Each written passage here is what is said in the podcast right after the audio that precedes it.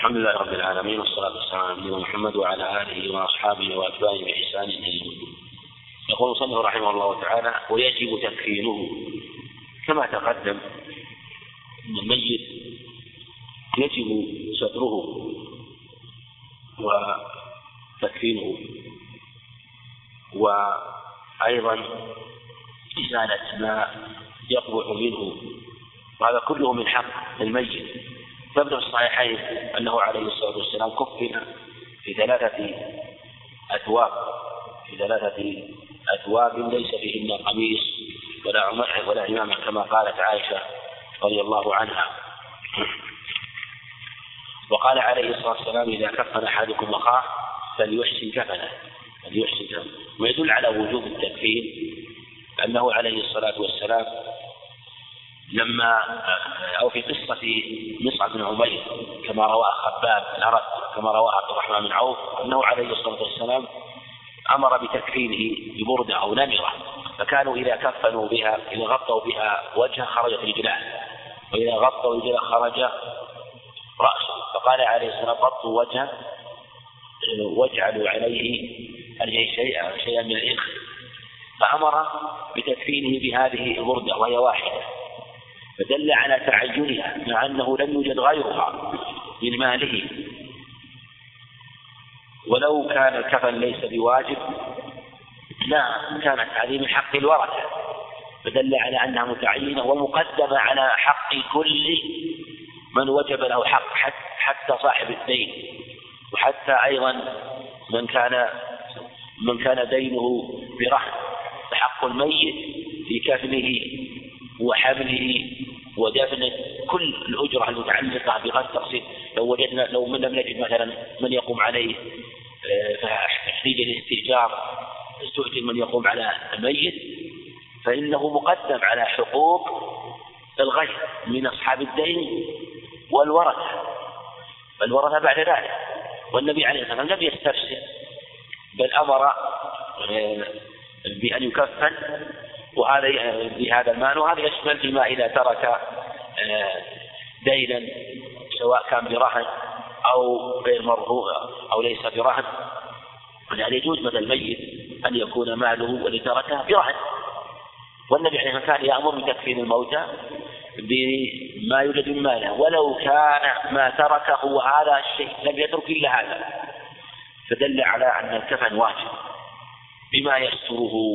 هذا يبين أن الواجب هو الستر وما زاد على ما يستره ليس بواجب. إنما هذا زيادة. قوله ولو لم يذكر كما تقدم. كما تقدم حديث خباب حديث قصة مصعب رضي الله عنه. وأنه مقدم على كل شيء.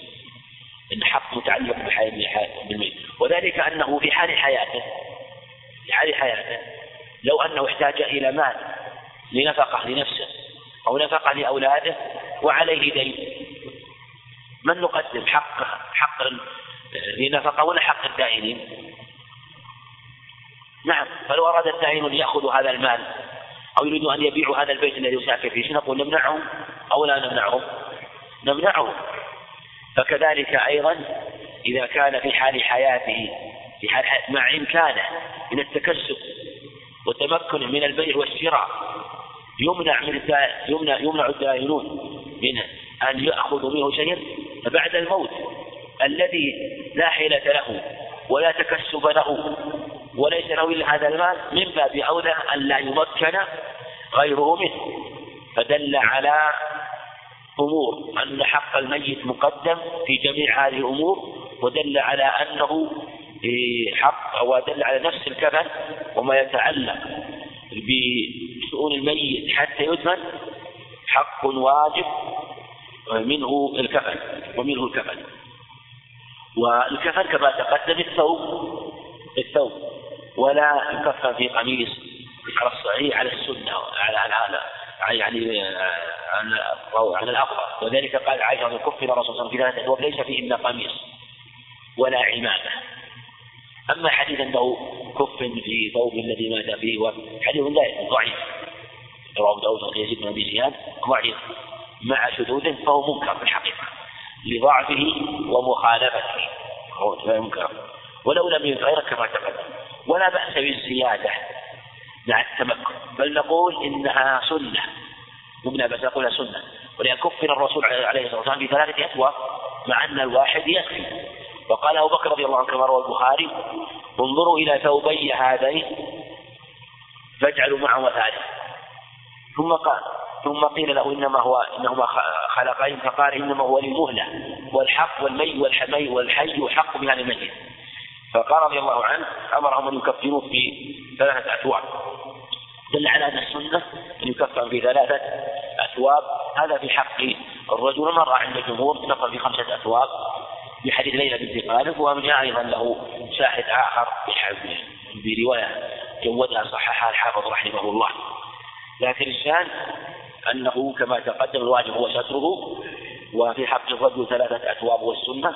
لكن هل يقدم حق هذا الكفن على حق الورثة ولو لو أرادوا أن لا يكفن في ثوب واحد في خلاف الأظهر والله أعلم أنه حق للميت. حق للميت وهو أنه آه، يعني لو أراد بعض الورثة أن يكفنه في ذلك فليس لأحد من يمنعه لأن هذا إحسان.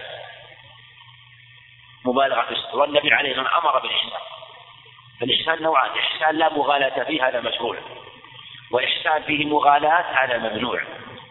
فالإحسان الذي لا مغالاة فيه هو إحسان الكفن. يدل قوله عليه الصلاة والسلام إذا ولي أحدكم أخاه فليحسن كفن رواه مسلم. نعم هذا حديث من؟ من روى الحديث هذا؟ حديث جابر. إذا ولي أحدكم أخاف فليحسن كفنه فليحسن كفنه. وله شاهد أيضا آخر آه، من حديث أبي قتادة عند الترمذي أنه عليه الصلاة قال إذا ولي أحدكم أخاف فليحسن كفنه. قوله فليحسن يشمل الإحسان بمعنى أن يكون الكفن إما الحسن من جهة نفس الكفن يكون حسن جديد أو غسيل نظيف. كذلك يشمل إحسان آه الهيئة. يعني يكون تكفينه تكفين حسن ما يكون من يلف له ويجتمع ولا يحسن لف الكفن بل يكون آه، مرتبا محسنا. حتى تكون هيئته حسن لأنه في حال حياته يحب أن يكون كذلك. كذلك يكون يعني مرتب ومنظم. ولهذا قال بعضهم إذا كفن أحدكم فليحسن قال؟ كفنه شو الفرق بين الكفن والكفن؟ نعم. فليحسن كفنه نفس الثوب الكفن هو الفعل. أيه. ولهذا قال بعضهم الرواية فليحسن كفنه يعني تكفينه نفس. نفس العمل نفس الفعل نفس التكفين مثل ما نقول بالوضوء والوضوء. يعني يكون نفس المراد الفعل. الفعل نفسه.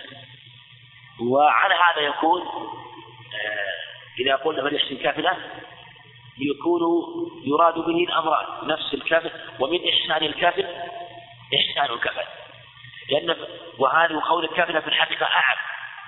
لأن قال فليحسن كفنه. معنى إذا صار كفن نظيف وغسيل حصل المقصود. أليس كذلك؟ كفن حسن. لكن إذا قال فليحسن كفنه يشمل أمرين. نعم يشمل نفس الكفن لأنه الحقيقة حينما يكون يقول الكفن جيد ومرتب ومنظم لكن الكفن متخرب وش يصير؟ في الحقيقة ناقص لا لم لم يحسن الكفن أو كان به متسخ كذلك أقول في رواية السكون يعني أبلغ من جهة المعنى أبلغ من جهة وأشبه من غير نعم وأيضا تقدم وفي حديث وفي حديث لا بأس به رواه أبو داود من حديث جابر أنه عليه الصلاة والسلام قال إذا توفي أحدكم فوجد شيئا يعني فوجد فليكفن في ثوب حبرة إذا توفي أحدكم يعني ميت ميت. فوجد شيئا فلي فليكفن في ثوب حبرة إيش معنى حبرة؟ من التحبير. وهو نعم. تحبير من الحبر شيء محضر إيش معنى شيء محضر؟ أي ملون محسن مزين. التحبير هو التحسين والتزيين. قال خالف موسى لو كنت أعلم أنك تستمع إيش قال؟ تحبرته لك تحبيرا. لحسنت صوتي بالغ.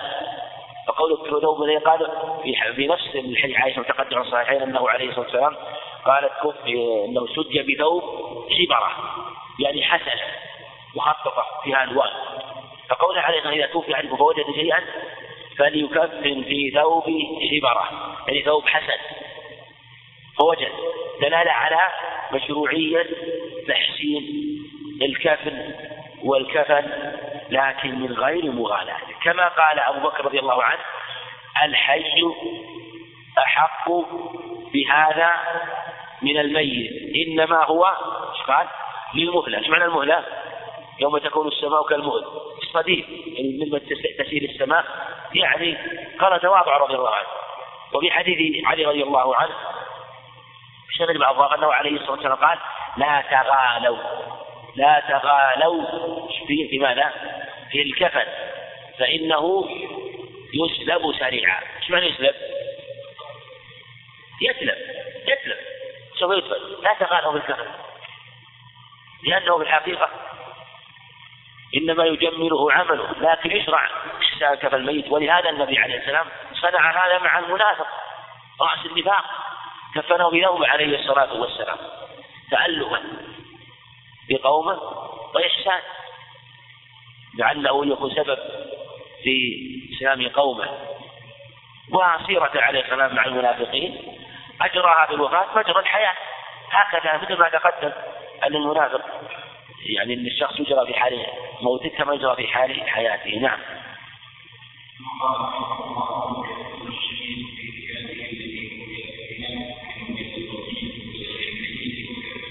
نعم. كذلك أيضا يسن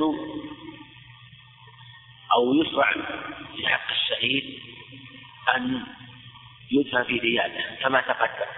يدفن في ثيابه التي قتل فيها. تقدم في حديث جابر رضي الله عنه أنه لم يغسلهم ولم يصلي عليه. حديث ابن عباس وأنس وعبد الله بن ثعلبة أمر أن يدفنوا بثيابهم ودمائهم. لفظ آخر وأن ينزع عنهم الجلود والحديد. ينزع عنهم ما يخفي ويبقى ثياب التي قتل فيها. ومن مات على شيء بعث عليه. معه شاهد عظيم. هو دمه الذي يسير والذي أصاب بدنه وأصاب ثيابه. فلم يغسل حتى يبقى. ما من مكلوم يكلم في سبيل الله والله أعلم فيكلم في سبيله إلا جاء يوم تتفجر. اللون لون دم والريح ريح المسك يأتي شاهد يوم القيامة. نعم. فيكفر في ثيابه التي قتل فيها وهذا مثل ما تقدم أن الشهيد لا يغسل. وفي دلالة على أنه يبقى لأنه حينما يغسل يذهب أثر الدم من البدن ومن الثياب. فهو لا كما تقدم لا يغسل. نعم سيأتي مسألة الصلاة عليه بعد ذلك. لكن الشاهد هنا أنه في في دفن في ثيابه التي قتل فيها. وكذلك يندب يعني يشرع ويسن تطيب بدن الميت. تقدم الإشارة إلى هذا. استعجلنا الكلام عليه في ما تقدم عند ذكر الكافور أن يندب تطيب بدن الميت وكذلك يكفر. تقدم الحكمة في ذلك. أنه ربما أيضا يعني بعض الموتى قد ربما يحصل منهم رائحة ولهذا بعض المغسلين آه، ربما يسأل. يقول إن بعض الموتى أحيانا قد معقول الموت حينما يبقى في الثلاجة مدة طويلة فيخرج. بعضهم تخرج من روائح يخرج من روائح. فيحتاج إلى أن يبخر المكان بخور كثير وكذلك يطيب ربما يكون رائحة قوية. حتى يكون يمنع هذا آه، فيمنع الأذى عن الأحياء وكذلك أيضا لا يكون سبب التشمت به. وهذا ليس بعيب ولا ضرر على يعني كونه يعني يتضرر أو يتغير مع طول المدة بطبيعة البدن. لكن أيضا مما ينبغي أنه ربما أحيانا يحتاج إلى زيادة أنه يطيب لكن لا تذهب الرائحة ولا تكفي ثلاثة ثياب فلا فلا مانع أن يكفن فيه سبعة ثياب أو ثمانية ثياب أو تسعة إذا كانت الرائحة لأن ربما يكفن فيه ثلاثة ثياب لكن ربما الجسم حينما يبقى ويطول المدة خاصة إذا كان بقي في الثلاجة مدة طويلة ربما تظهر من رائحة. ما في مانع أنه يكفن في أكثر من ثلاثة ثياب حتى تنعدم وتذهب الرائحة. مع أنه ورد في حديث لكنه ضعيف عن ابن عباس أنه كفن في سبعة أثواب لكن حديث ضعيف عليه. يعني ورد في قصة الكفن عليه الكفنة ما يتعلق أنه كف في قميص وهذا لا يثبت وأنه كفن في سبعة هذا لا يثبت أين أخباره ضعيفة وشاذة من بعضها منكر.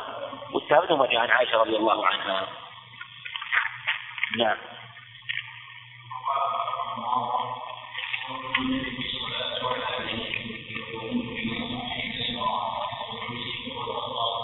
نعم. وهذا أيضا مما يجب ووجوب كفاية. الصلاة على الميت. وثبت في الإخبار الصحيح أنه عليه الصلاة والسلام يصلي على الموتى. لو في الصحيحين في جابر في هريرة أنه عليه الصلاة والسلام صلى على النجاشي. كبر أربع تكبيرات. هو غائب. إذا كان صلاة الغائب فالحاضر من باب أولى. فمن الصحيحين حديث ابن عباس أنه عليه الصلاة والسلام لما أخبروا عن تلك ذلك الرجل تلك المرأة بلفظ كانوا حقه شأنها فقال هل لا أذنتموني؟ قالوا كرهنا أن نوقظك. فقال دلوني فلما دلوه على قبرها وكبر عليه أربعا عليه الصلاة والسلام. ورد حديث صلوا على من قال لا إله لكنه ضعيف. ضعيف. فالواجب فيجب الصلاة على الميت. والرسول عليه الصلاة والسلام قال صلوا كما رأيتموني أصلي. وصلى على الموتى فيجب أن نصلي كما صلى. وهذا قول صلوا يشمل الصلاة على الميت لأنها صلاة شرطها الطهارة ولها أركانها وجوب قراءة الصلاة على النبي عليه السلام والدعاء على الصحيح. هذا واجب وواجب كفاية إذا قام وصلى عليه إذا صلى عليه يعني من واحد من أهل المؤمنين أجزى أجزى ويسقط به الواجب. لكن السنة أن يكون على الكثير. أربعون أو مئة كما في حديث ابن عباس أربعون أو مئة كما في حديث عائشة وحديث أنس معناه أو ثلاث صور كما في حديث أو بن مالك صلى على صور فقد أوجب. كلما كثروا كلما كان أفضل.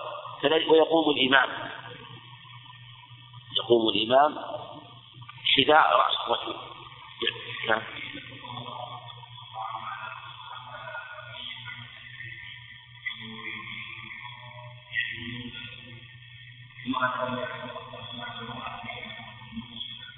نعم. وما في هذا في خلاف أقول في خلاف. الحقيقة هو كثير منهم من قال لا يصلى عليه. هذا خاص بالنبي عليه الصلاة والسلام. قالوا إن قول إن هذه القبور مملوءة ظلمة وإن الله لو يرى الصلاة عليهم. لكنه حق على أنه مرسل. لكن ومنهم من قال يشرع هذا والصواب أنه يشرع الصلاة. ثبت الحديث كثيرا كما تقدم بل ثبت الحديث حديث عقبة بن عامر أنه صلى على قتل أحد بعد ثمان سنوات. يعني سبع سنوات ونصف حقق جميع العلم لكن جبر القصر قبل وفاته عليه الصلاة والسلام بعض في ليالي. ثم مات بعدها عليه الصلاة والسلام وصلى على قتل أحد صلاته على الميت. ابن عقبة. البخاري. فهذا ومنهم من قال صلى إلى شهر. في حديث رواه الترمذي سعيد المسيب أنه عليه الصلاة والسلام صلى على أم سعد إلى شهر. منهم من قال إلى أن يبنى الميت هذا اختاره جمع العلم من المعاقين يتحقق بقاءه صلى عليه.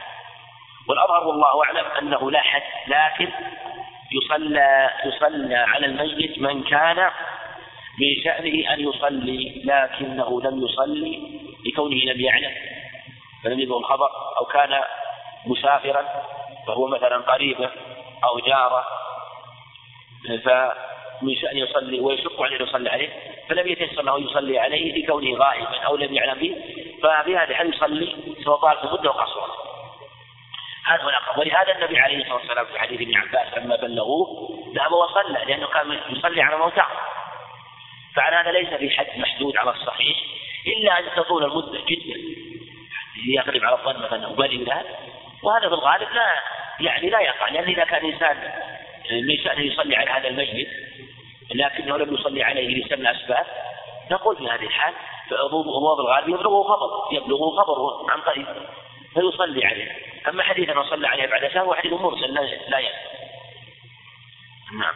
ويقول نعم حذاء رأس الرجل وسط المرأة. هذا حذاء التفصيل هذا ورد في حديث أنس عند آه، عند كما رواه الخمسة. أن أنس رضي الله عنه أتي برجل فقام عند رأسه وأتي بامرأة فقام عند وسطها فقال له أبو غالب أصلى رسول الله صلى كما صليت عند رأس الرجل أو كصلاة عند رسول عند المرأة قال نعم هكذا صنع رسول الله صلى الله عليه وسلم. وهذا فصل في الفرق بين القيام على الرجل والمرأة وأن الرجل صلى عند رأسه أو حيال رأسه والمرأة يصلى عند وسطها. قال بعض العلم لعله عند وسط المرأة يعني يعني لو كانت حاملا يكون حذاء البطن حمل. والله أعلم والله أعلم بهذا لكن المقصود أنه مثل ما تقدم هذا هو السنة في الفصل بين الرجال والنساء. وفي صحيح الصحيحين حديث سمرة بن جندب أنه عليه الصلاة والسلام قام على امرأة ماتت في نفاسها فصلى عليها وسطها. صلى عليها وسطها. وهذا قد يقال قد يمكن يمكن والله أعلم. هذا ما أن موقف عن أحد لكن يمكن والله أعلم أن هذه المرأة ماتت في نفاسها يعني لما قد يكون في نفاسها أنه مات جنينها في بطنها لما تنفست. وقد يكون في نفاسها أنها ماتت بعد ذلك محتمل. لكن كان ماتت مثلا في نفاس وجنين في بطنها شق عليها الوضع فقد يصلى عليها عليه الصلاة والسلام. لما كان آه، أتي بها وجنينها ببطنها فقصد الصلاة عليها وعلى جنينها ثم لما بعد ذلك آه، صلى عليها هذه المرأة كذا أثبت هذا الأمر فكان إذا جوئ بامرأة فقام عليها وسطها محتمل وأنا لم نطلع على شيء في هذا.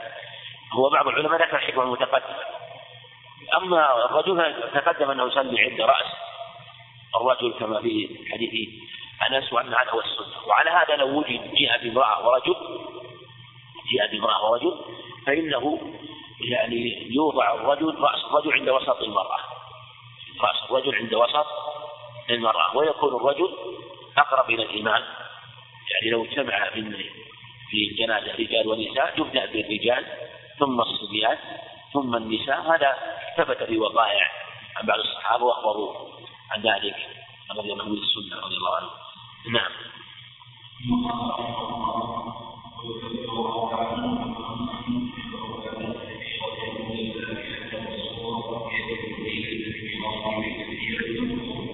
نعم. يكبر أربعا. هذا هو السنة أربع. هذا هو ثابت في الأخبار كما تقدم ابن عباس. حديث جابر حديث أبي هريرة حديث ابن عباس حديث نعم عباس وأبي هريرة. وجابر كلهم كبر أربعا عليه الصلاة والسلام. وخمس لما ثبت حديث زيد بن أرقم أنه قال كان زيد يكبر على يقول عبد الرحمن بن أبي ليلى رحمه الله كان جابر يكبر كان زيد زيد بن أرقم كبر على جنائزنا أربعا أربع تكبيرات. هذا أيضا شاهد لحديث حديث من تكبيرات أربعة. وإنه أتي بجنازة فكبر عليها خمسا. فقيل له بذلك فقال كان رسول الله صلى الله عليه وسلم يكبرها. وجاء ست وهذا رواه البخاري في التاريخ عن علي رضي الله عنه أنه صلى على سهل بن حنيف فكبر عليه ستا فقيل بذلك فقال شهد بدرا إنه شهد بدرا. وروى روى روى أصله البخاري لكن لم يذكر عن التكبيرات. وفي لفظ عن علي رضي الله عنه أنه كان يكبر على أهل بدر ستا وعلى الصحابة على سائر الصحابة خمسا وعلى سائر الناس أربعة روي عن علي رضي الله عنه. وجاءت. وجاء أكثر من هذا جاء تسع تكبيرات. وجاء غير ذلك. وجاء أنه كبر على حمزة هذه التكبيرات. بل جاء أنه كبر على حمزة صلى عليه سبعين صلاة في سبعين صلاة. يؤتى بجنازة ويصلي عليها وجاز. لكنها صارت يعني صلاة واحدة على ميت وصلاة واحدة على ميت وهذا آه، بعض العلم تكلم في هذا الخبر كالشافعي ومنهم من نظر طرقه فقالوا إنه جيد بالنظر يتعدد طرقه وفيه أنه كبر عليه عدة تكبيرات واختلف في صفة التكبير عليه رضي الله في بعضها أنه صلى عليه مع الجنائز أنه صلى على سبعين وجعله معه. يتبع جنازة وهو موجود. وفيه أنه بعض الروايات أنه عند الصحابة وغيره انه كبر عليه تسع تكبيرات. وجاء عن ابن مسعود عند أحمد نحو من هذا. حديث الصلاة على حمزة له طرق. حقيقة وممكن أنه ينجبر بعض البعض بالنظر إلى آه، طرق. محتمل يقال إن فيه اضطراب في المسجد. لكن ينبغي العناية بالنظر في الطرق. والأسانيد يعني هي منجبرة فيما يظهر بكثرتها. وبعضها ربما يستخدم نفسه. لكن الألفاظ باختلافها هذا هو وجه ليحصل التوقف. أما التكبيرات أربع وخمس هذه ثابتة وست ثبتت عن علي رضي الله عنه. وجاء ثلاث تكبيرات عن أنس رضي الله عنه وجاء عن ابن مسعود. وجاء عن أنس أنه كبر ثلاث تكبيرات ثم قيل له في ذلك فاتجه إلى القبلة فكبر. الرابع لأنه سحى بعضها أنه تعمد. تعمد. لكن أقل من أربع هذا اجتهاد والصواب أنه لا أقل من أربع تكبيرات. وعلى هذا اختلف العلماء في تكبيرات الجنازة. فالجمهور على أنها أربع تكبيرات. وأن هذا هو المشروع. ورجحوه بأدلة. الأول أنه ماذا هو؟ ثابت. أن هذا هو الثابت في؟ نعم في يعني في الحديث في أكثر الحديث وخاصة في الصحيحين. في الصحيحين كثيرة أربع ونعلم أن من من مسالك الترجيح عند العلم إذا كان الخبر في ماذا؟ في الصحيحين والثاني في أحدهما يعني مثل ما تقدم معنا تقدم معنا مسألة اي نعم. تقدم معنا في الصلاة الكسوف الركوعات في ركعة. في الصحيحين. والثلاثة والأربعة في خارج في مسلم والخمسة في سنة أبي داود. فترجح من جهة الترجيح أن أن هذه الصحيحين. أيضا قالوا إن هذا هو الأكثر في الرواية. أيضا هو مرجح آخر. المرجحات إذا كان رواتها أكثر. مرجح ثالث أنه روي أن الصحابة اجتمعوا عليه. اجتمعوا عليه. وأنه عمر جمعهم على ذلك وأنه جعل هذا حدا لكن أظهر والله أعلم أن نقول أن أربع مشروع وإن زاد فلا بأس وعلى هذا يدل يدل على أن الزيادة على أربع تشرع لكن لا تشرع على أي حال لا تشرع على أي حال متى تشرع؟ إذا كان الذي صلى عليه له شأن مثل ما فعل علي رضي الله عنه صلى على من؟ كبر على من؟ نعم. فرق بينهم. فرق بينهم. جعل على سائر الصحابة خمس وعلى أهل بدر ست وعلى سائر الناس أربعة. والذي كبر عليه ست من هو؟ الصحابي. سهل بن حنين. سهل بن حنين. كبر عليه ستة.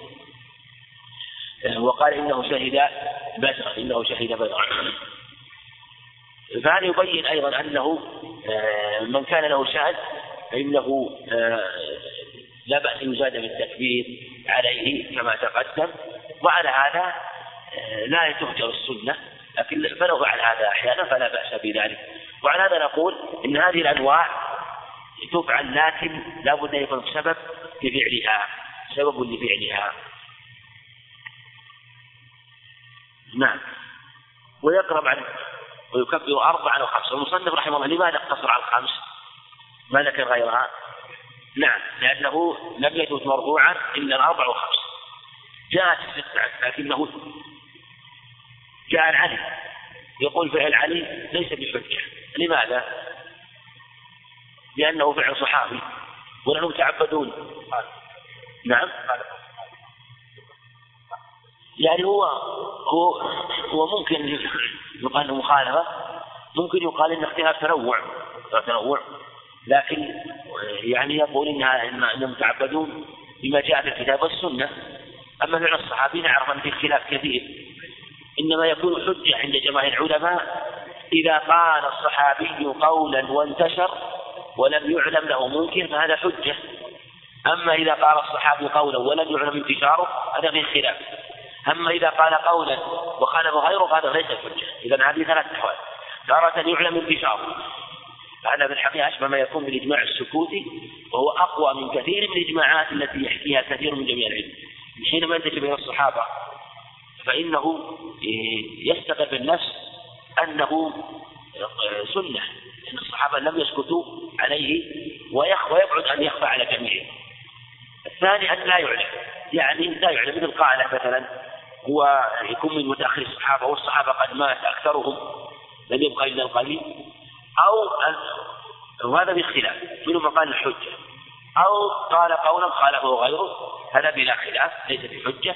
لأنه إن أخذت بقول هذا فخالفه غيره. كما يعني قال أحمد رحمه الله لما ذكر الخلاف بين ابن مسعود وابن عمر أو أو ابن عمر وعمار في مسألة مس الذكر فقال من أخذ بهذا أو من أخذ بهذا يعني هذا قول عمر هذا قول صحابي وهذا قول صحابي فليس قول أحد حجة الآخر. قال ويقرأ بعد التكبيرة؟ نعم. أعيد يكبر عيد القرآن نعم.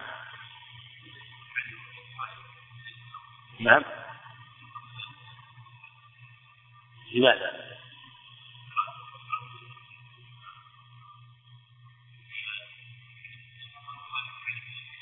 هذا يعني على هذا يخرج ما في خلاف ما في خلاف لأن الأكثر موافق على الأقل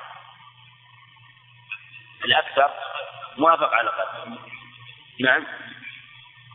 لا هذا هذا لجاني مسعود عن أنس. هذا طبعا مخالف للسنة إن ثبت عنهم فهذا يدل على أنهم لم تبلغهم السنة. أليس إنما في فيما لم يخالف زاد ولهذا النبي عليه الصلاة والسلام كبر أربع وكبر خمس. دل على أن الأربع ليست حدا واجبا يعني كبر خمس عليه الصلاة والسلام. والصحابة رضي الله عنهم اجتهدوا فهم علموا أن التحديد أنه لا يأتي محدد بأربع وأيضا مما يؤيده قصة قصة عن حمزة هذه ما ينبغي التحقيق فيها. وقد سبق أني راجع النظر في الآثار لكن ما عندي تحقيق في في مدى ثبوت يعني من جهة الأسانيد مشتبه لكن من جهة النظر في متونها اختلاف في متونها ينبغي النظر في جمع المتون. هل يمكن يقال إنها مثلا تتفق ولا تختلف؟ هذا يحتاج إلى عناية. يحتاج إلى عناية فإن ثبتت ولأنه فاقت الست والسبع التسع يدل على أنه إذا جاز آه، هذه هذه يبين أيضا أن ما دونها لا بأس به. نعم.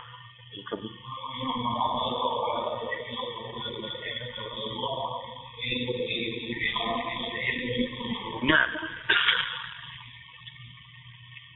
وقول ويقرأ على التكبير هنا الفاتحة.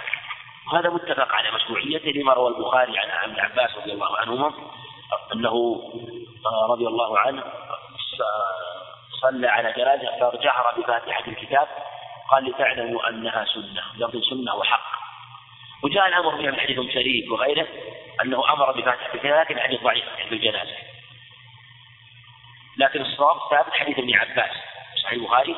وروى أبو أمامة بن سهل بن أبو أمامة بن أو بن سهل رضي الله عنه قال من السنة عن بعض أصحاب النبي عليه الصلاة والسلام قال من السنة الصلاة على الميت أن تكبر ثم تقرأ الفاتحة ثم تكبر ثم تصلي على النبي عليه الصلاة والسلام ثم تخلص له الدعاء ثم تسلم سرا في نفسك أو عبد الرزاق وابن أبي شيبة وابن الجارود في منتقى وإسناده على شرط الشيخين.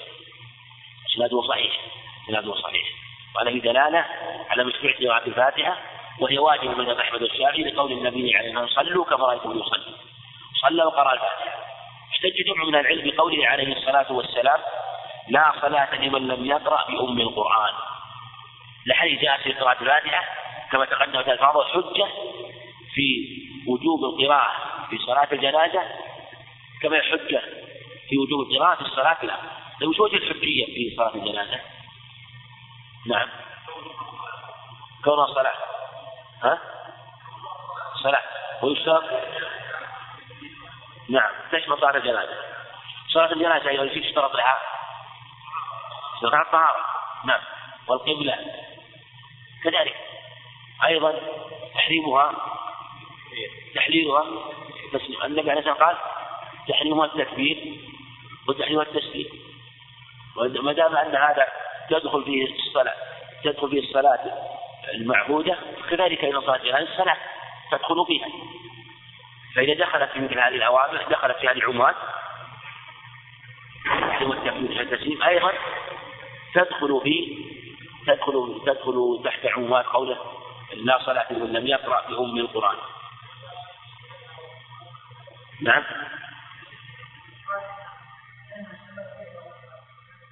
اي نعم. نعم لأن لانها يعني اشتمل على على على الطهارة والسترة واستقبال القبلة. أيضا مسماها تسمى صلاة الجنازة. اي نعم. نعم.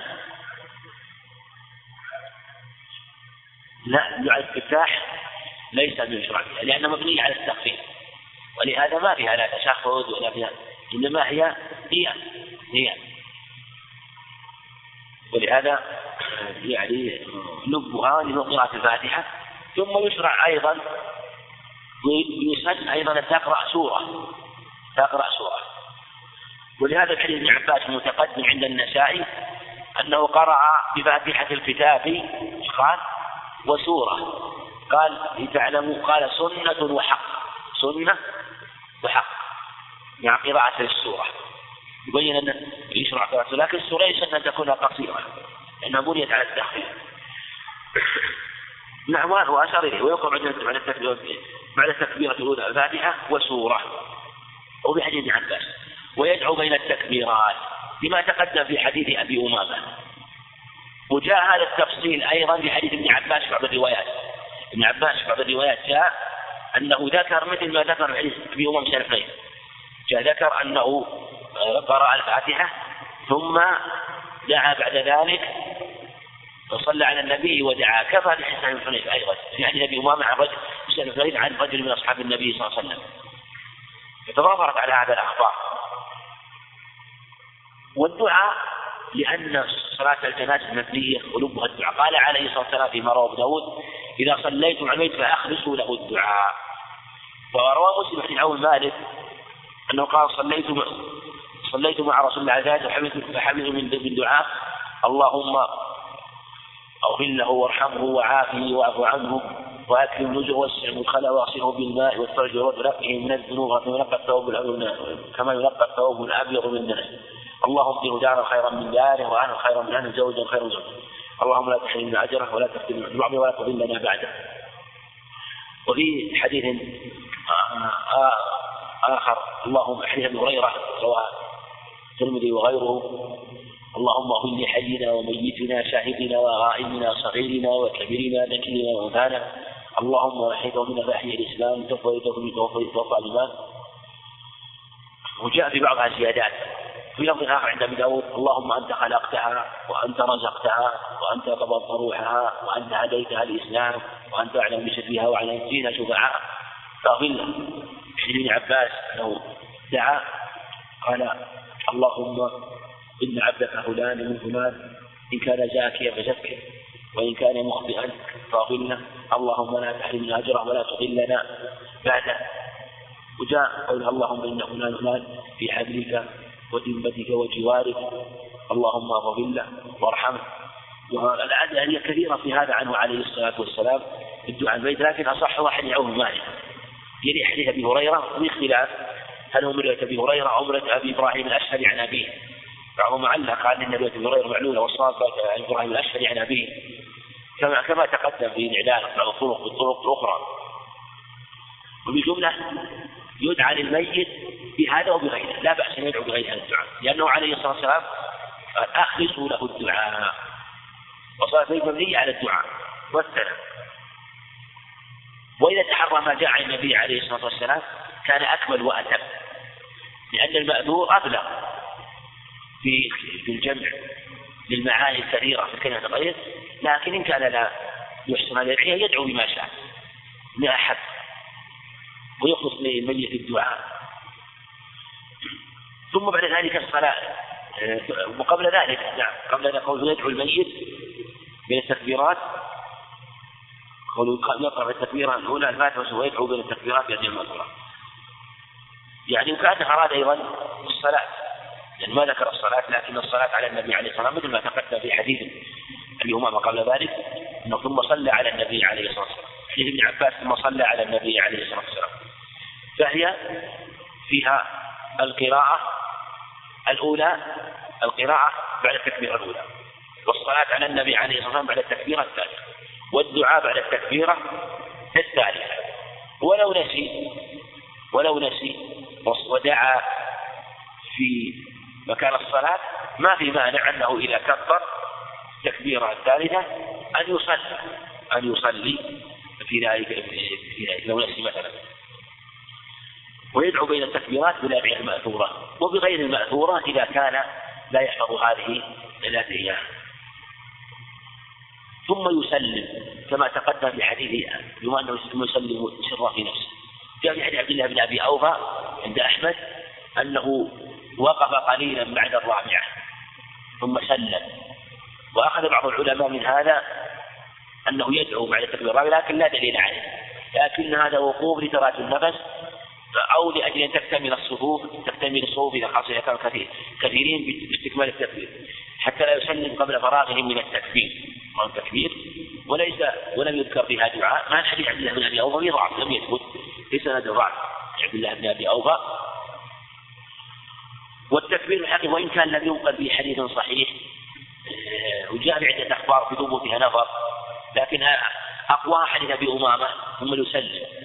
ثم تسليم الله مرة واحدة ولم ينقل أن سلم تسليمتين عليه الصلاة والسلام وإن كان بعضهم قاله. والمعروف عن الصحابة ابن مسعود وعن أنس وحديث أبي أمامة أنه سلم تسليمة واحدة. وهذه هذا رواه البيهقي أثر عن مسعود وعن أنس رواه البيهقي في السنن. ويدل عليه تحليل تحليلها التسليم. وهو مطلق ولم يأتي شيء يبين فاقتصرنا على الخروج منها بالتسليم. بخلاف الصلاة المفروضة جاءت السنة في الحديث الصحيح حديث مسعود حديث سعد بن وقاص وغيره كان يسلم مرتين. لهذا لا يخرج منها إلا بأن يسلم عن يمين وعن شمال بخلاف صلاة الجنازة. نعم.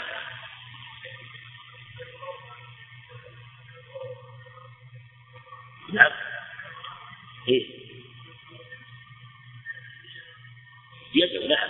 يدعو. ما نقص شيء لكن يدعو أدعية ما بعد التكبير الرابع كله دعاء. دعاء يخلص المريض للدعاء نعم. نعم. ما في شيء لكن المعروف انه ينقل تسليم واحد تسليم واحد هذا المعروف ومما أذكره من كلام شيخنا الشيخ بن باز رحمه الله يقول يعني من العجائب يقول رحمه الله هذا من العجائب؟ يقول ان يعني ان أن الأموات كانوا يحضرون بين يدي النبي عليه الصلاة والسلام مشهد عظيم. والناس كثير ومع ذلك لم يحفظ الحيوان ذكر التسليم. يعني لم ينقل في الاخبار الصحيحة. فيسلم تسليمة واحدة أو تسليمتين. لكن نقل في بعض الأخبار كما تقدم كما تقدم نقل في بعضها. لكل يسلم بعض تسليمه وبعض تسليمتين لكن نصح حديث أبي امامه المتقدم وظاهر انه سلم تسليم واحد. كأنه والله أعلم انه بنيت على التخفيف بنيت على التخفيف فلهذا سلم منها منها تسليمة واحدة كما خفت كلها قيام ما فيها ركوع ولا سجود. نعم. نعم نعم.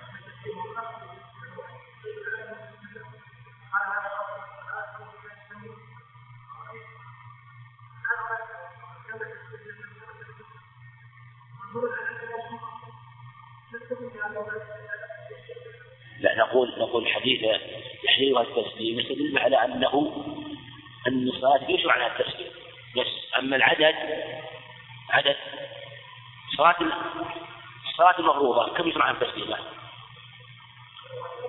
إيش دليل هذا؟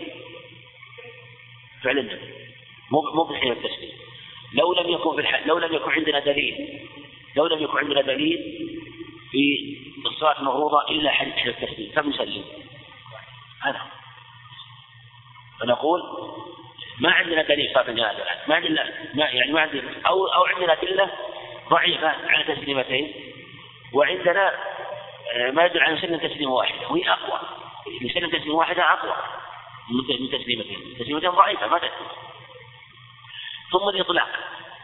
عندنا المطلق المطلق يحصل بفرد واحد. الإطلاق إذا عمل بفرد واحد لأنه كما قال المطلق هو مشاع في جنسه فإذا فعل شيئا واحدا حصل المقصود وأخذ بإطلاق الحديث. نعم. الاحتياط يكون حينما يأتي دليل. مثلا مثلا يوجب دليل لا يوجب يقول هذا واجب وهذا هذا لكن حينما بعضهم يقول لا يشرع لا يشرع يعني مثلا لو لو أن إنسان مثلا الصلاة وقت النهي. الصلاة وقت النهي. بعض العلماء قال؟ الصلاة الصلاة وقت النهي ما إيش حكمها؟ ما تجوز. تحية. تحية. أقول تحية. لا بعض العلماء قال. تجوز ولا ما تجوز؟ ما تجوز وبعض العلماء قال. لا ما قال تجوز تجب أو تشرع. تجب أو تشرع. طيب شلون يحتار؟ الإنسان بيحتار قال أنا بحتار الحين. دخلت المسجد. علموني شلون يحتار.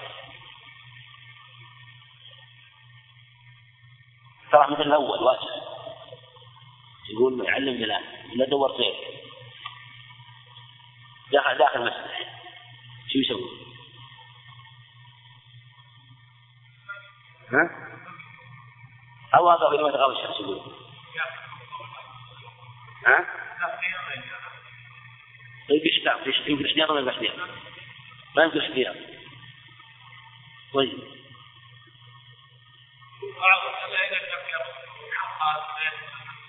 ها؟ هذا بترها وانتهى الامر قفل المسجد عند العصر وخلاص نعم. يقول يقول يقول يقول جيب دليل على مسجد الركعة الحين. هل تشرع ولا ما تشرع بعد؟ هل تشرع ولا ما تشرع؟ يقول الركعة وتر.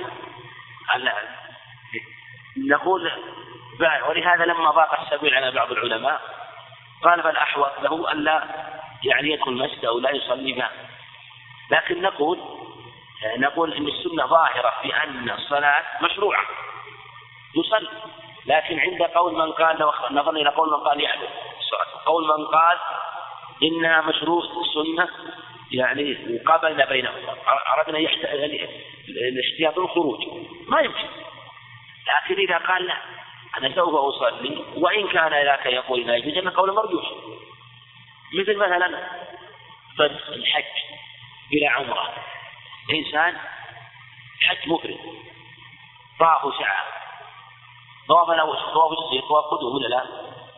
وسعي وجه سعي حج جو سعي قلت له أنت الآن شطفت كان والله حجهم قلت ليش ما تتمتع؟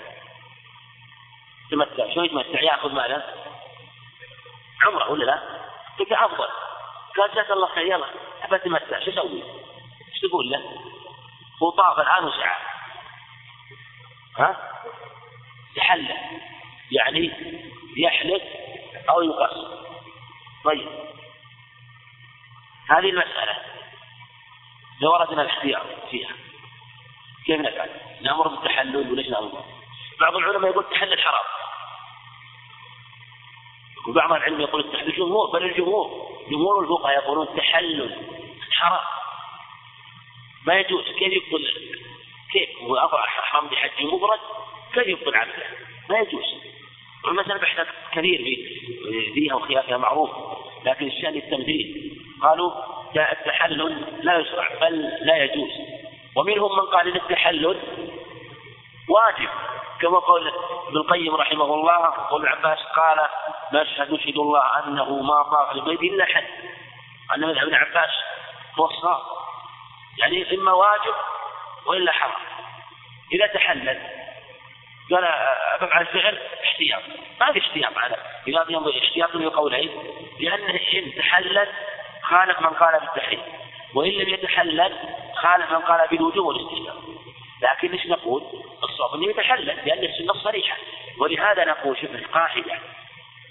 يعني الاحتياط يشرع إلا إذا كان العمل به يترتب عليه ترك للسنة. فالاحتياط العمل بالسنة. مثل إنسان قال أنا بحتاط داخل المسجد. قلنا هذا ترك نقول السنة دلت على أن تصلي وتعد مشروعة تصلي. لأنه بالحقيقة قول أرجح والأظهر تصلي وهكذا في مسائل كثيرة. يعني ترد في هذا الباب. نعم.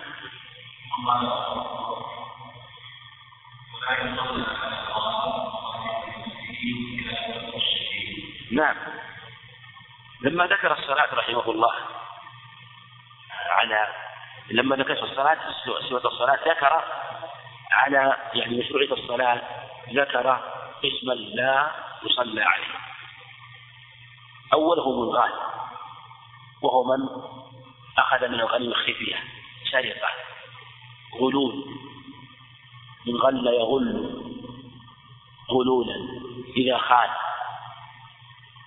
غل يغل غلولا. والغل من الغل والحقد. وهنا غل يعني سرق أو أخذ من الغنيمة خفية. فلا يصلى عليه تنفيرا من حاله ثبت صحيح مسلم من حديث جابر بن سمر أنه عليه الصلاة والسلام أتي برجل قد قتل نفسه بمشاقص. يعني مثل النص العريض الحاد فقطع عرقا فقتل نفسه. فلم يصلي عليه عليه الصلاة والسلام. وروى أبو داود وغيره عن زيد بن حديث أبي عمرو عن زيد خالد عن زيد خالد الجهني أنه عليه الصلاة والسلام أتي برجل قد مات في غزوة خيبر فلم يصلي عليه وقال إنه غل. فتشوا متاعه فوجدوا فيه خرج من خرج اليهود ما يساوي درهمين فلم يصلي عليه عليه الصلاة والسلام كان تشديد. ولهذا قال أهل العلم إنه من وقع بمثل هذه المنكرات فلا يصلي عليه أهل العلم. ما لا يصلى عليه لا يصلى عليه مطلقا لا. ولهذا في لفظ عند النسائي أما أنا فلا أصلي عليه. أما أنا فلا يعني تصلي عليه. ما شاء من المسلمين إنما ترك صلاة عليه ردعا وزجرا عن مثل هذه الكبيرة. حتى يجتهد. وينتشر وقال لم يصلي عليه. النبي عليه الصلاة والسلام فيتحدثوا بها ويشيع الأمر. لأن هذا أمر عظيم. هذا يسمى ميت الآن. لا يملك من حال شيء. قالوا غل. ما قالوا فما أغنى عنه هذا المال؟ مات. فلم يصلي عليه. النبي يكون أبلغ الردع والزجر. أبلغ من العقوبة في حال حياته. ولهذا في الصحيحين حديث ماعز مالك رضي الله عنه أنه قتل بالحد الزنا رضي الله عنه وتاب ومع ذلك جاء في البخاري أنه لم يصلي عليه. جاء عند أبي داود وغيره أنه صلى عليه. اختلف العلماء صلى عليه وصلى عليه. منهم من قال إنه ذكر الصلاة عليه وهم في البخاري. يعني أصل الحديث صحيح لكن نفس الرواية قالوا إنه رواه عن عبد الرزاق ثمانية من الرواة. منهم إسحاق بن راهوية وحمد بن الزهري وحميد بن زنجويه ثمانية من الثقات وبعض الحفاظ كبار. وانفرد محمود بن غيلان بن غيلان المروزي فذكر الصلاة. فقال بعضهم انها شاذ لأنه فرد منهم من قال ليس في شاذ لأنها زيادة. قال ويدل عليه انما روى أبو داود أن أن أنه عليه الصلاة والسلام صلى على الجهنية حديث عمران بن حصين ومسلم صلى على الغامدية في حديث بريدة صحيح مسلم. هو أيضا جاء إثبات الصلاة عليه. قالوا إن هذه مرجحات تؤيد رواية محمود رضي الله عنه محمود رحمه الله غيلان وغير فرد عبد الرزاق بهذا فلم يبي شيئا منكرا. وجمع بعضهم بين الروايتين قالوا لم يصلي عليه يعني فيه لما في أبيه ثم صلى عليه من الغد يعني عند قتله. جمعا بين الروايات. لهذا مع أنه لا تعارض بينها. فالمقصود أنه كما تقدم آه، لا يصلي عليه الحاكم الوالي ونحوه من أهل العلم والفضل حتى يكون سببا في التنفيذ وردع والزجر عن مثل هذه المنكرات. كذلك قاتل النفس مثل ما تقدم الغال الغال هو في حديث زيد بن خالد المتقدم غال. أنه لم يصلي عليه عليه الصلاة والسلام وجاء تقدم معنا أيضا أنه عليه الصلاة والسلام لم يصلي على من كان ترك دينا ولم يترك وفاء أيضا هو استدل به ثم قال يصلي عليه. قاتل نفسه تقدم في حديث جابر بن سمر رضي الله عنه والكافر لأن الكافر لا يصلى عليه والصلاة دعاء والكافر لا يجعل لا يدعى له. ما كان النبي الذي استغفر المشركين ولو كانوا لي قربى. فلا يستغفر له ولا يدعى وقال الله عز وجل ولا تصلي على أحد منهم مات أبدا ولا تقم على قبره. تقم على قبره. هذا فيه في دلالة على أنه لا يصلى على أهل الكفر والنفاق من ظهر نفاقه. في دلالة على أن الميت المسلم يقام على قبره. بمفهوم مخالفه أن الذي يقام على قبره هو الميت المسلم دلالة على أنه مشروعية الصلاة على القبر. إذا نصلي عليه. قال ولا تقم على قبر دلالة على أن المسلم يقام على قبره وهذا قام على قبور بعض الأصحاب عليه الصلاة والسلام وصلى عليه. من الرجال والنساء. والشهيد أما الشهيد تقدم الإشارة إليه في مسألة الغسل. أما الصلاة فكثير من الأخبار كما تقدم حديث جابر حديث أنس حديث ابن عباس عبد الله بن ثعلبة أو حديث ثعلبة بن أبي صعيب. تقدم أنه لم يصلي عليهم عليه الصلاة والسلام. وجاء فيه أخبار أنه صلى على شهداء أو على بعض. حديث شداد بن أوس عند النسائي. حديث أبي سلام عند أبي داود. كذلك الصلاة على حمزة كما تقدم من طرق. وجاء عدة أخبار. حديث شداد حديث جيد عند حديث جيد عند النسائي. ولذا اختاره القيم رحمه الله أن أن الإمام مخير في الصلاة على الشهداء إن شاء صلى وإن شاء لم يصلي. لأنه جاء أنه صلى عليه الصلاة والسلام عليهم وجاء أنه لم يصلي عليهم فقيل صلى على بعضهم ولم يصلي على بعض. أما الغاسل فلا يغسلون قولا واحدا لم يقل أنه غسل من الشهداء أحد. كما تقول هذا هو الأظهر والله أعلم. وإن كان أكثر أخبار أنه لم يصلي عليهم لكن جاء إثباتها في غير شهداء أحد. جاء إثباتها في غير شهداء أحد. من شهداء أحد لم يصلي عليهم لكن القصد أنه الصلاة هذه في وقائع أخرى. في وقائع أخرى. وعلى هذا يكون من الفعل المخير. في الصلاة وعدم الصلاة. نعم.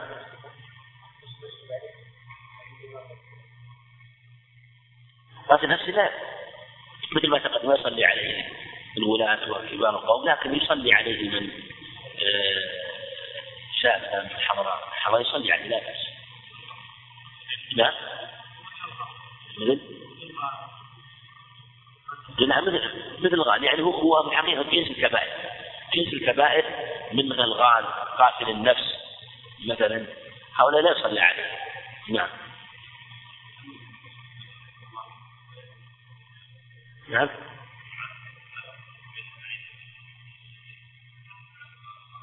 هو محتمل عبارة محتملة. يعني عبارة محتملة لا يصلى على هؤلاء مطلقا لأن كأنها أخذ بروائح الأخبار. لكن الأمر والله أن أن الغال أن المسلم يصلى عليه. لا يترك الصلاة عليه. مسلم لا تترك الصلاة لا تترك الصلاة عليه. لما تقدم لما تقدم أنه صلى عليه الصلاة والسلام على من وقع في حد الزنا. حديث ماعز رضي الله عنه صلى عليه قيل يصلي عليه. فتقدم قول أما أنا فلا أصلي عليه. أنا فلا أصلي عليه. نعم. نعم. لا من ظهر زندقته ولا كرامة. من ظهر نفاقه وزندقته فلا عليه هذا أقبح من الكافر. نعم.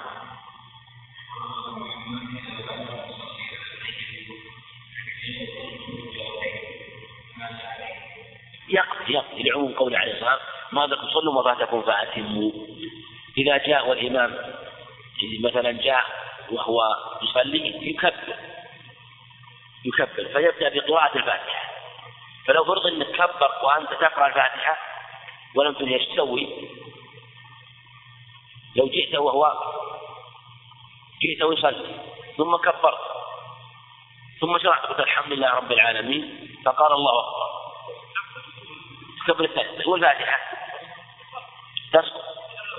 بل بل أولى لأنه لو جئت والإمام يصلي وجئت إليه مثلا وأنت قرأت الآية أو لا كبرت اركع معه تسقط عنه فسقوطه في في هذه من باب ثم بعد ذلك تكبر معه ما تدرك من التكبيرات فإذا التكبيرتين يسلم اختلف العلماء فبقي التكبيرتان وهذا التكبيرات هل تقضيهما ولاء؟ هذا هو المذهب. نقول الله أكبر الله. وقول الثاني يكبر ويكمل. يعني كبرت مثلا قراءة الفاتحة كبرت مثلا ومعه وصليت على النبي صلى الله عليه وسلم قال تكبر وتدعو. تدعو ثم بعدين تكبر ثم تسلم. ومنهم من قال إن كان لجنازة يمكن أنها تثبت ولا تحد يعني موقع لم ترفع فيكبر ويقرأ ويكمل ولا يكبر ولا وإن رفعت الجنازة قال يكبر ولا. قالوا إن الجنازة مثابة الإمام فإذا ذهبت فلا إمام له.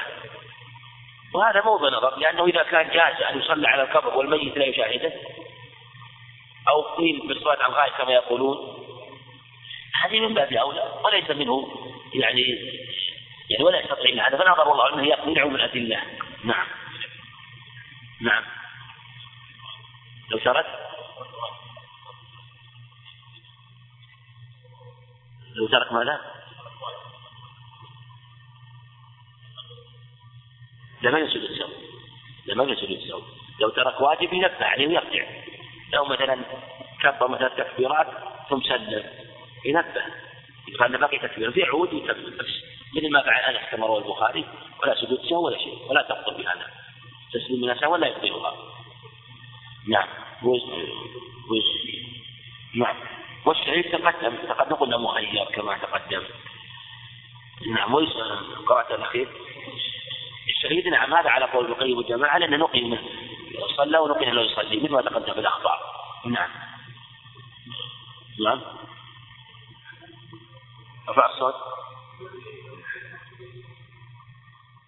يعني كرامة له. أقول كرامة له.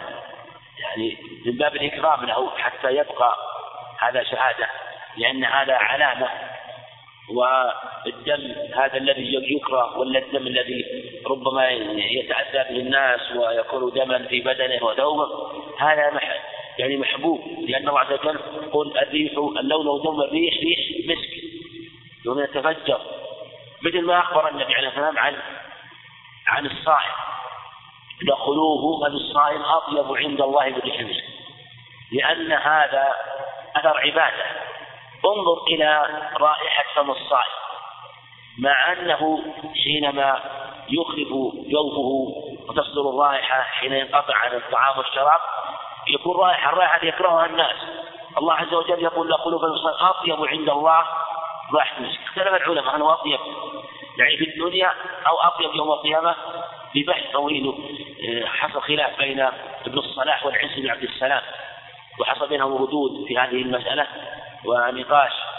وهما في زمانهما حتى حصل بينهم في بعض المسائل مثل في بعض أنواع الصلوات وانها الصلاة الرجبية كان الانسان ينكرها والصلاح كان يثبتها مع إمامة بالحديث إلا أنه قال قولا يعني ضعيف وحديث لا يصح. كذلك في مسألة خلف الصعد مع جاء في مسلم خلف الصعد عند الله يوم القيامة. فهذا أثر عبادة عند الله أعظم من المسلم والناس يكرهونه. فشرع فبقاؤه حسن. بقاؤه حسن ولا يضر. والسواك لا يضر ولا يؤثر في في إزالته أو تخفيفه. أن يجمع إلى هذه العبادة عبادة السواك. كذلك أثر الدم بالقتل في سبيل الله. أثر عبادة. فشرع أن يبقى هذا الأثر ويكون شاهدا له يوم القيامة فلا يغسل. فيأتي بشاهده. لكن ينزع عنه ما يضره كما تقدم من الجلود والحديد نعم. نقف على هذا. قل ويصلى على القبر. هذا مثل ما تقدم. لا بأس يصلي على القبر. وتقدم الأخبار الصحيحة أنه صلى على القبر عليه الصلاة والسلام. حديث ابن عباس. وصلى على القبر على فتك المرأة. وكبر أربعا. والصلاة على القبر أيضا تقدم في حديث في حديث عقبة أنه صلى على قتل أحد ذهب إليهم وصلى على صلاة على الميت عليه الصلاة والسلام. فالصلاة على القبر الصحيح أنها لا بأس بها ومشروع ومشروعة عند وجود سببها. فلو كان مثلا لم يصلي على الميت فإنه يدعو يصلي على القبر. أو كان الميت دفن بغير صلاة دفن الميت بغير صلاة للجهل اختلف العلماء فيه. هل يكفي الصلاة على القبر أو لا بد من نفسه ويصلى عليه؟ كما لو دفن بغير كفن أو بغير غسل. لأن ثلاث المسائل دفنه بغير صلاة. دفنه بغير غسل. دفنه بغير كفن. أما إن كان دفن بغير كفن الصحيح أنه أن القبر كفنه ولأن الحق في في إخراجه هتك له فالصواب أنه ما دام دفن فستره القبر ففي هذه الحالة حاجة إلى أن يخرج ينبش أما إن كان دفن بغير غسل فينظر. فإن كان يمكن أن ينبش ويخرج بلا تقطع ولا ضرر وجب إخراجه وغسله. وإن كان لا أن يتغير وربما يضر الميت في هذه الحال يترك لأنه واجب سقط آه، بتفريط من قام عليه. نعم. ولهذا لو كان الميت مثلا جسمه محترق لو غسلناه لا تقطع ما نغسله؟ ما نغسل ثم الصحيح أنه لا يكفى لا لا لا, لا ييمم لا ي... فلو كان مثلا احترق ثم لو غسل تقطع يعني المقصود من الغسل هو آه، مع العبادة التطهير وتنظيف. والغسل في مثل هذا يضره فلا يغسل. من باب أولى إذا كان دفن فإخراجه يقطعه ويضره فلا يخرج ولا كذلك أيضا لو كان آه، دفن غير صلاة في خلاف. والأظهر والله أعلم أنه يصلى على القبر يعني ولا يخرج لأن الصلاة على القبر تقوم آه، مقام الصلاة عليه بعد إخراجه. والنبي صلى على القبر فدل على أنه اكتفى بالصلاة على القبر مكان آه، الصلاة عليه قبل ذلك. أما الغائب فهذه المسألة فيها خلاف بين أهل العلم في الصلاة الغائب منهم من قال يشرع صلاة الغائب وتقدم حديث جابر وحديث أبي هريرة وأنه صلى على النجاشي عليه الصلاة والسلام. منهم من قال لا يصلى عليه منهم من قال يصلى إذا كان إلى جهة القبلة كما قاله بعضهم. ومنهم من قال يعني إذا كان ميت وهذا قول غريب. منهم من قال يصلى على الميت إذا كان في بلد يعلم ويغلق أنه لم يصلى عليه. وهذا بوب عليه أبو داود. قال باب الصلاة على المسلم يليه أهل الشرك. باب الصلاة على المسلم في بلد آخر أو قال يليه أهل الشرك. يعني إذا كان صلي عليه في بلد يغلب على الظن أنه لم يصلى صلاة الجنازة فيصلى عليه لأنه لم يقم بالواجب والنجاشي. يظهر الله أعلم أن هذا هو الحال ولهذا قيل إنه إنه لم يحج ولم يصلي ولم يبلغ الصلوات الخمس وأمور كثيرة. فمن باب أولى أنه لم يعرف مشروعية الصلاة على الجنازة ولهذا قال النبي عليه الصلاة والسلام في الآخر إن أقلكم قد مات فصلوا عليه. يوجد أنه لم يصلى عليه. قول تقي الدين رحمه الله يبعد أن يكون الملك وأنه لم يسلم مع أحد وأن لا يتابع أحد ولم يكن. نقول وين وين كذلك قال وين كان أسلم معه قومه وتبعه بعض الناس فلا يلزم أنهم صلوا عليه لأنهم لم يعرفوا حكم مشروعية الصلاة. وربما لم تبلغهم كما أن بعض الصحابة الذين في الحبشة كانوا لما حولت حولت القبلة إلى إلى الكعبة يصلون لم يصلوا إليها وبقوا على القبلة الأولى ولم يبلغهم إلا بعد ذلك لأن يعني أنه لم يبلغهم خبر تحويل القبلة. آه، مع أنها جاءت ونزلت المدينة. فكذلك هذه الصلاة كان يمكن أن لم تكن معروفة أو لم تكن مشروعة المشروعية لم تكن معلومة لهم فيصلى عليه النبي عليه الصلاة والسلام آه، لأجل هذه العلة. وهذا هو الأقرب. وما يدل عليه أنه لم لم يعرف أن النبي صلى على غيره. قال بعضهم إنه صلى على كل من كان له شأن. في الإسلام كالنجاشي ويرد أنه لم يعرف أنه صلى على على غيره كذلك الصحابة رضي الله عنهم آه، مات الخلفاء الراشدون ولم يكن يصلي عليه صلاة الغائب وهكذا من بعدهم. هذا هو الأقرب في هذه المسألة والله أعلم وصلى الله وسلم وبارك على نبينا محمد.